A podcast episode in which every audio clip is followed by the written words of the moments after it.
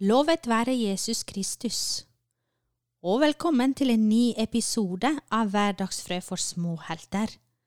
Med meg, Erika. Jeg synes det er veldig kjekt å være sammen med dere. Tenk at vi får være sammen tre ganger i uken og lære nye spennende ting sammen. Husker du pater Felix, som jeg nevnte forrige gang? Jeg sa at det var en spesiell ting til med han. Jeg fortalte bare den ene siste gang. Vil du at jeg skal fortelle det til deg? Han har vært vakt for paven vår. Vet du hvem paven er, og hvor han bor? Husker du navnet hans? Jeg kan fortelle deg. Han paven vår heter pave Frans, og han bor i Roma i Italia, i et sted som heter Vatikanet. Og paven er sjefen til alle prestene over hele verden. Paven har noen helt spesielle menn som passer på han. De har litt artige uniformer på. For å kunne være med i den gruppen som passer på paven, så må man være født i et land som heter Sveits, og man må tro sterkt på Gud. Han pater Felix gjør begge deler. Så når han var en ung mann, da hadde han ansvaret for å passe på paven. Kanskje vi skal lære mer om paven og de som passer på han senere. Det hørtes veldig spennende ut, sant? Husker du sangen vi sang sist? Den heter Hvem har skapt alle blomstene? Har du lyst til å synge sammen med oss i dag også og lære den? Sangen har egentlig noen bevegelser også. Det er ikke så lett for meg å vise dem til dere, siden vi er sammen på en podkast, og da kan dere bare høre på. Men kanskje du og de som hører sammen med deg, kan bevegelsene, eller de kan finne på noen bevegelser til sangen, noen som passer inn. Er du klar nå å synge med? En, to, tre, fire. Hvem har skapt alle blomstene, blomstene, blomstene? Hvem har skapt alle blomstene? Jo, Gud i himmelen. Hvem har skapt alle fuglene, fuglene, fuglene? Hvem har skapt alle fuglene? Jo, Gud i himmelen. Hvem har skapt alle stjernene, stjernene, stjernene? Hvem har skapt alle stjernene? Jo, Gud i himmelen. Hvem har skapt både deg og meg, deg og meg, deg og meg?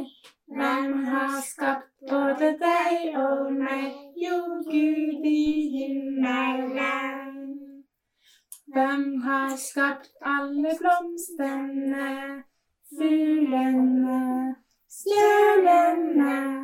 Hvem har skapt både deg og meg, jo Gud i himmelen? Kjempebra, dere var så flinke. Så fint! Tusen takk, Frøydis og barna i Brennmoen barnekor. I neste episode skal vi bli litt bedre kjent med Frøydis og barna. I dag skal vi få bli kjent med Camilla.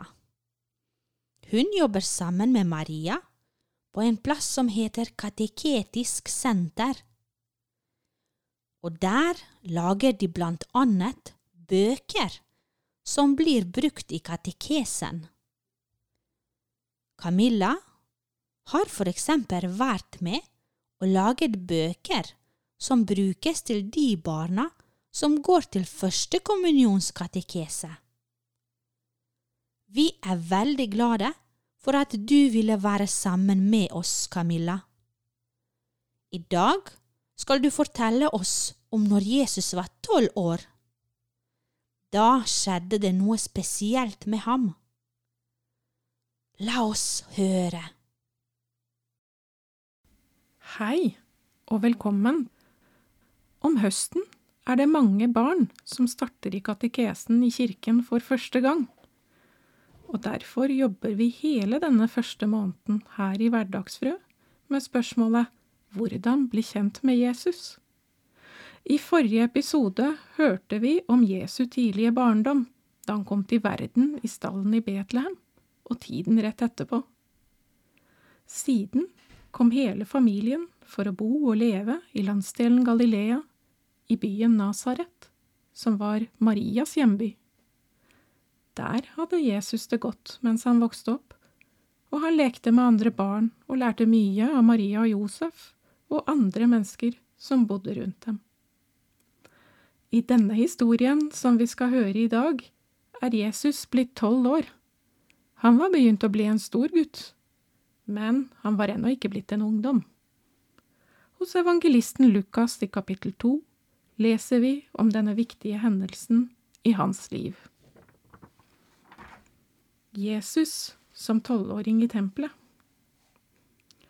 Hvert år pleide Jesu foreldre å dra til Jerusalem for å feire påske. Da han var blitt tolv år, dro de som vanlig opp til høytiden. Men da høytidsdagene var over og de skulle hjem, ble gutten Jesus igjen i Jerusalem uten at foreldrene visste om det. De trodde han var med i reisefølget, og, og det gikk én dagsreise før de begynte å lete etter ham blant slektninger og venner. Da de ikke fant han, vendte de tilbake til Jerusalem for å lete etter han der. Først etter tre dager fant de han i tempelet. Der satt han blant lærerne, lyttet til dem og stilte spørsmål. Alle som hørte ham, undret seg over hvor forstandig han var, og hvor godt han svarte. Da foreldrene så ham, ble de slått av undring. Og hans mor sa, Barnet mitt, hvorfor har du gjort dette mot oss? Din far og jeg har lett etter deg og vært så redde. Men han svarte, Hvorfor lette dere etter meg? Visste dere ikke at jeg må være i min fars hus? Men de forsto ikke hva han mente med det han sa til dem. Så ble han med hjem til Nasaret og var lydig mot dem. Men hans mor tok vare på alt dette i sitt hjerte, og Jesus gikk fram i alder og visdom. Han var til glede for Gud og mennesker. Slik lyder Herrens ord. Jesus var en spesiell person, et spesielt barn. Han skilte seg ut fra de fleste andre barn på hans tid. Og denne historien viser oss det. I tempelet kom han med, i snakk med noen skriftlærde, og det viste seg at Jesus var så klok og kunnskapsrik at han fikk de skriftlærde i tempelet til å sette seg ned og lytte til han og diskutere med han. Skriftlærde var landets aller klokeste mennesker. De var omtrent slik vi ser på professorer på universitetet i Norge i dag. Var det noen alle visste var meget kloke, så var det landets skriftlærde, ja. Men her leser vi at de undret seg på Jesus. Det betyr at de ikke helt kunne forstå alt ved ham. Men de ble grepet av nysgjerrighet på hva dette var for en klok gutt.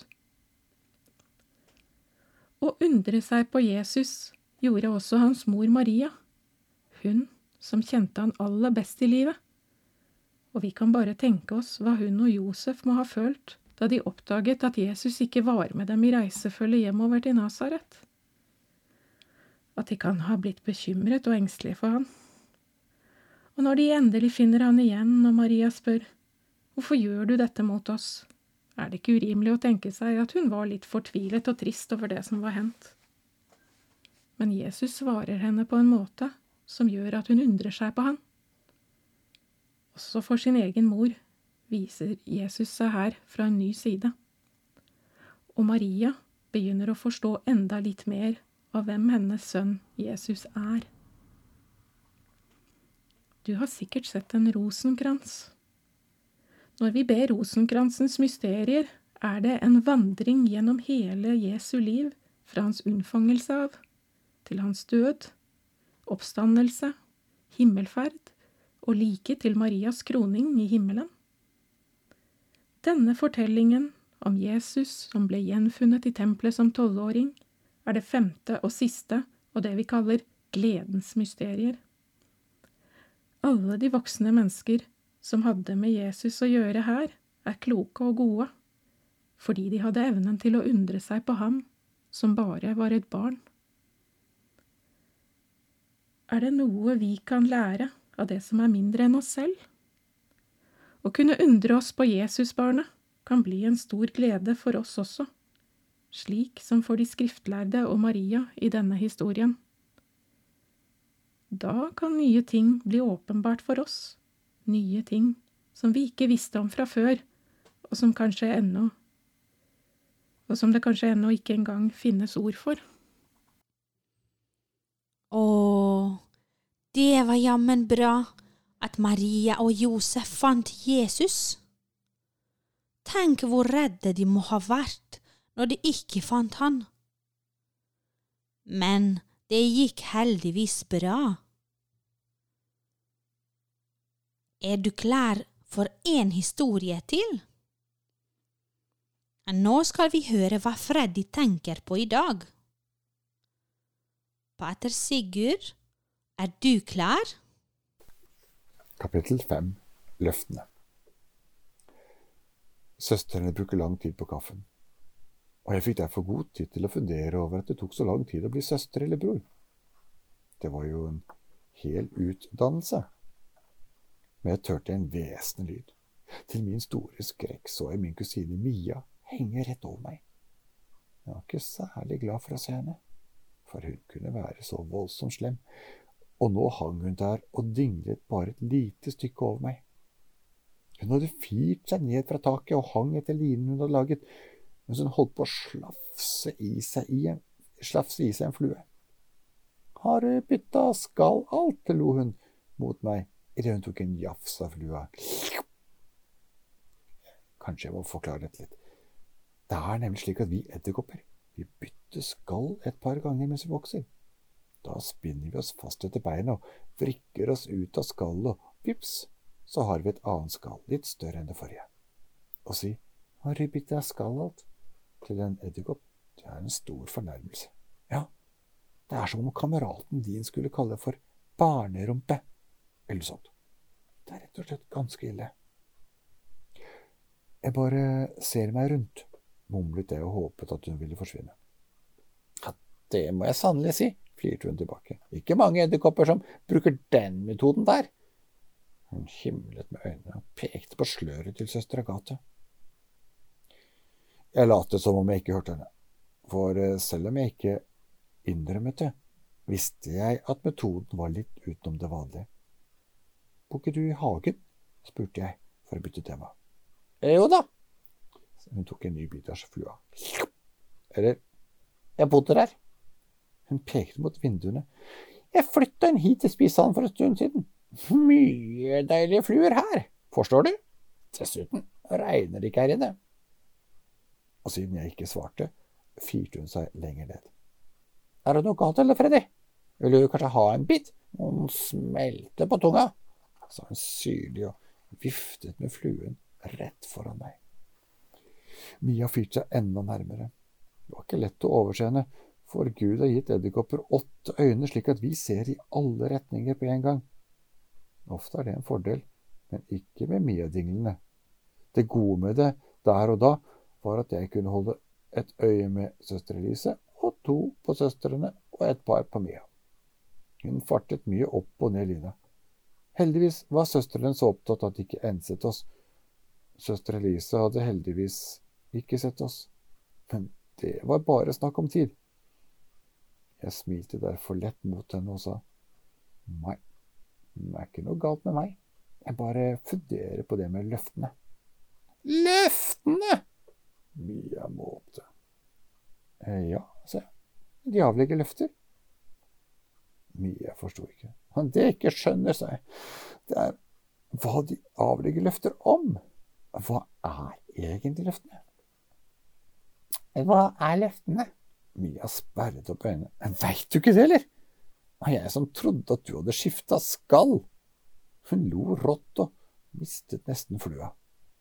Er du helt dum eller noe, Søtos? Du må slutte å tenke så mye. Spiller det noen rolle for deg og meg hva de avlegger løfter om? Jeg ble sint, satte tre av øynene mine igjen og skrek. Det betyr noe for meg! Mia, som er en hageedderkopp og mye større enn meg, moret seg. Å, da så, søten, smilte hun hånlig. Vi edderkopper, gutten min, filosoferer ikke over noe som ikke har med oss å gjøre. Nei, du, vi spiser fluer. Det er det vi gjør. Og så tok overlegne Mia enda en bit av den store flua. Det var da jeg oppdaget Imelda, søsteren min. I taket et stykke over meg. Hun gjorde tegn til at jeg ikke skulle bry meg om Mia, og så festet hun en line og virte seg ned til meg. Enda en i familien som har gått fra vettet, stønnet Mia idet Imelda satte seg ved siden av meg på sløret. Jeg trodde du bodde i en av cellene, hvisket jeg til Imelda. Cellen er rommet til søstrene. Det er der de sover, arbeider og trekker seg tilbake. Mm, jeg gjorde det, svarte Imelda. Men en kald natt så krøp jeg inn i sengeteppet for å holde varmen, og da søsteren skulle re, om, re opp sengen om morgenen, da falt jeg ut. Imelda så trist ut. Hun savnet cellen sin. Og da søsteren hadde kommet seg etter sjokket, tok hun et papir og løftet meg opp i det, og så ristet hun papiret ut av vinduet. Det var bare flaks at jeg klarte å komme meg inn hit i refektoriet. Nå må jeg dele plass med Mia, for jeg kan ikke veien tilbake. Jeg nikket og syntes inderlig synd på Emilie. Hvordan kunne hun overleve sammen med Mia? Mia har ikke forstått noe, hvisket Imelda. Søstrene deler alt. Får en av dem noe, så deler hun med de andre. Men Mia er heldig sånn, og Mia får så mye som en knott. Hun tar alt. Jeg svelget og strøk Imelda forsiktig over det ene forbeinet. Selvsagt har jeg alt, glefset Mia. Jeg er størst, er jeg ikke? Imelda svarte ikke. Bestemor sa alltid at vi skulle leve som søstrene og brødrene, ropte jeg mot Mia. Jeg ville forsvare søsteren min. Aha, den får du dra lenger ut på sløret med. Mias latter var skremmende. Leve som søstrene og brødrene, sa du det? Jeg nikket surt. Ja, det er umulig. Løftene de lever, kan vi edderkopper aldri klare. Mia spyttet. Hun har litt rett, hvisket Imelda. Søstrene og brødrene lover å leve noe de kaller fattigdom, kyskhet og lydighet. mm, jeg nikket, sendte Mia et rasende blikk. Hun bare lo. Ikke bry deg, hvisket Imelda. Men jeg mislikte at jeg ikke kunne leve som søstrene og brødrene. Mener du at bestemor lyver? Imelda grep tak i meg idet jeg reiste meg for å gyve løs på mye. Vi kan ikke leve løftene, Freddy, hvisket hun og holdt meg fast. Men vi kan jo prøve. Hvordan da, hvisket Ivrig. Vi vil leve sammen på en god måte, slik at alle får det bra, hvisket hun. Ikke bare vår egen familie, men alle og overalt. Det er dette søstrene og brødrene prøver å få til. Men jeg ble bare enda sintere, Og hvordan er det mulig? skrek jeg. Du ser hvordan Mia plager oss og ikke lar deg få nok mat. Kaller du det å ha det godt? Imelda strøk seg over farbeinet før hun svarte. Ah, det er jo ikke lett å leve slik, smilte hun. Og det er ikke enkelt for søstrene og brødrene heller. Det er derfor de har løftene. Løftene hjelper dem å huske hvordan de skal leve. Det skjer jammen mye rart med Freddy, og det skjer mye rart i klosteret hans, sant? Husker du at vi snakket om pave Frans i starten av programmet? I dag tenkte jeg at vi skulle be for paven vår. Sara Sunniva, en av jentene mine, ber for paven hver dag. Hun ber for kneet hans. Han pave Frans har veldig vondt i kneet sitt. Har du lyst til å være med og be en Hilla Maria for pave Frans og kneet hans? Da kan vi gjøre det samme nå. Hil deg, Maria, full av nåde, Herren er med deg. Velsignet er du blant kvinner, og velsignet er ditt livs frukt, Jesus. Hellige Maria, Guds mor, be for oss syndere, nå i vår dødstime. Amen. Takk for denne stunden. Så høres vi snart igjen i neste episode. Følg med, og vær nysgjerrig på Gud, og lær mer om ham. Ha det!